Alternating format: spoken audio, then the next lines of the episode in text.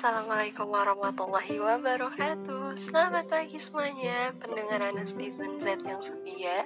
Balik lagi nih bareng kita Dari kelompok 5 Ada aku sendiri, Hastiva Dan juga dua rekan aku, Dion dan juga Candy Kali ini kita tuh bakal ngebahas mengenai keterkaitan Antara komunikasi terapatik Dan juga film How to Train Your Dragon Tapi sebelumnya nih bakal kita jelasin dulu apa sih komunikasi terapatik itu?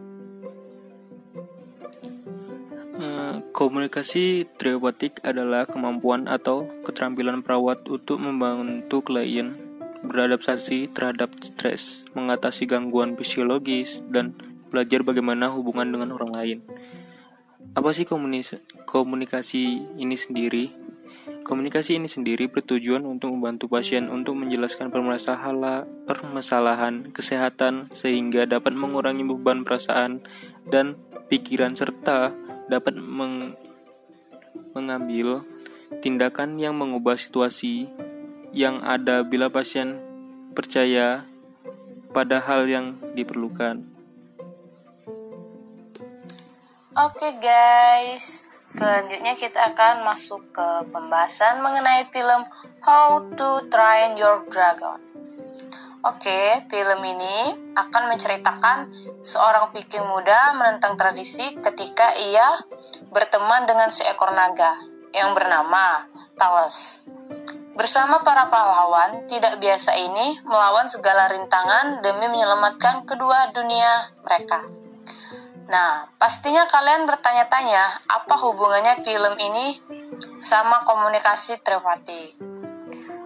Dan ternyata komunikasi telepatik ini memiliki beberapa tujuan dan film ini merealisasikan tujuan tersebut.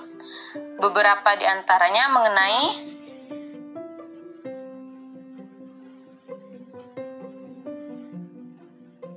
Oke, yang pertama nih ya ada realisasi diri. Nah di film ini tuh dilihat kan kalau si Hikop ini dianggap anak yang lemah karena badannya yang kurus nggak sama seperti yang lainnya. Nah untuk mematahkan pandangan itu dia tuh memilih untuk menangkap Naik Fury untuk bukti ke ayah dan penduduk desa lainnya kalau dia tuh berani dan dia sama seperti teman-temannya. Baiklah, untuk yang kedua, mengetahui identitas. Meng, mengetahui identitas. Hikop sadar bahwa dia adalah anak yang bahwa Hikop sadar bahwa dia adalah anak kepala desa yang terpandang dan disegani penduduk desa Bark. Dan juga dia sadar bahwa dia selalu diremehkan karena badannya yang kurus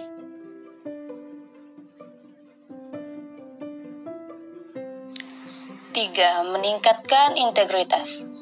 Dia berjanji kepada ayahnya dia bisa membunuh salah satu naga agar dianggap sama seperti yang lainnya. Dan juga dia selalu berusaha berteman dengan teman-teman sekitar walaupun dia tidak diterima dan dijauhi. Nah, yang selanjutnya itu ada membangun hubungan hangat. Banyak banget contohnya. Nih aku kasih satu contoh ya. Di mana si Hikop ini selalu berusaha membangun hubungan yang hangat dengan sang ayah. Karena dia tuh mikir kalau ayahnya tuh tidak menerima dia sebagai anak. Padahal dari sisi ayahnya dia, dia tuh menyayangi si Hikop ini bahkan protektif karena takut si Hikop ini uh, ngalamin satu kejadian yang buruk yang dia nggak mau gitu loh untuk yang kedua nih, Hikop ingin membangun hubungan yang baik dengan Astrid sebagai cinta pertamanya. Tapi dia ditolak oleh Astrid dengan alasan karena dia lemah dan tidak memiliki kekuatan saat menghadapi naga. Bagian C, pertama kali Rikov bertemu dengan Naik Fury karena ia melihat naga ini terjerat sehingga ia memilih untuk membantunya. Kedua kalinya bertemu, Rikop baru sadar bahwa Naik Fury tidak dapat terbang dengan baik karena cacat pada ekornya. Lalu dia menggambar sketsa untuk mencari solusinya. Naik Fury awalnya selalu menghindari Rikop karena hubungan antara manusia dan naga yang kurang baik. Tetapi Rikop mencari cara dengan memberikan ikan ke naga ini agar bisa percaya padanya. Semenjak itu Rikop dan Nick Fury berteman dan merancang alat bantu terbang untuk naik Fury. Ya, selanjutnya nih masih dengan hubungan yang hangat ya. Ini di mana dibangun oleh Astrid dan juga si Naik Fury, di mana awalnya nih Astrid itu mengikuti Hikop secara diam-diam, mencari tahu Hikop ini sebenarnya bertemu dengan siapa sih. Tetapi Hikop mengetahui dan menyembunyikan ada si Naik Hutan itu. Akhirnya Astrid uh, terus mengikuti dan akhirnya bertemu dengan Night Fury untuk pertama kalinya. Di saat itu juga dia ingin membunuhnya, tetapi dihalangi oleh Hikop. Karena dihalangi, Astrid mikir nih untuk uh, kembali ke desa dan melaporkan ke kepala desa. Keinginan Astrid itu kan diketahui ya sama si Hikop dan ini.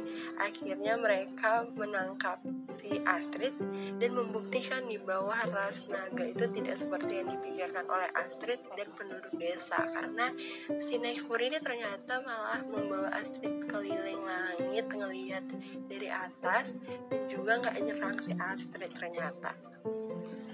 Nah, ini masih dengan hubungan yang hangat ya. Setelah itu, hubungan Hikop dan sang ayah semakin hancur karena ketahuan berteman dengan naga. Tapi saat melihat Hikop bersama teman-temannya menunggangi naga untuk membantu kelompok ayahnya yang diserang oleh Kem Alpha atau naga besar dari segala dari segala naga dan saat itu ayahnya percaya kepada Hikop dan teman-temannya dan juga teman naganya dan hubungan ayah ayah Hikop dan Hikop menjadi erat dan menerima Hikop sebagai anaknya lagi. Bagian 5, meningkatkan fungsi dan kemampuan dalam memenuhi kebutuhan dan mencapai tujuan yang realistis. Akhirnya bangsa naga dan desa Bern bersatu dan tidak lagi menganggap naga sebagai musuh manusia yang selalu menyerang desa dan peternakan. Oke, itu tadi pembahasan singkat dari kita bertiga mengenai keterkaitan antara komunikasi terapatik dan juga film How to Train Your Dragon di mana ternyata kita tahu bahwa keterkaitannya terdapat pada tujuan komunikasi terapatik yang diimplementasikan di dalam film ini. Semoga kalian paham dan menambah wawasan kalian. Terima kasih juga telah mendengarkan Anastasia Z dan jangan lupa ya dengerin podcast-podcast lainnya dari kita Anastasia Z. Terima kasih dari kita bertiga. Sampai jumpa.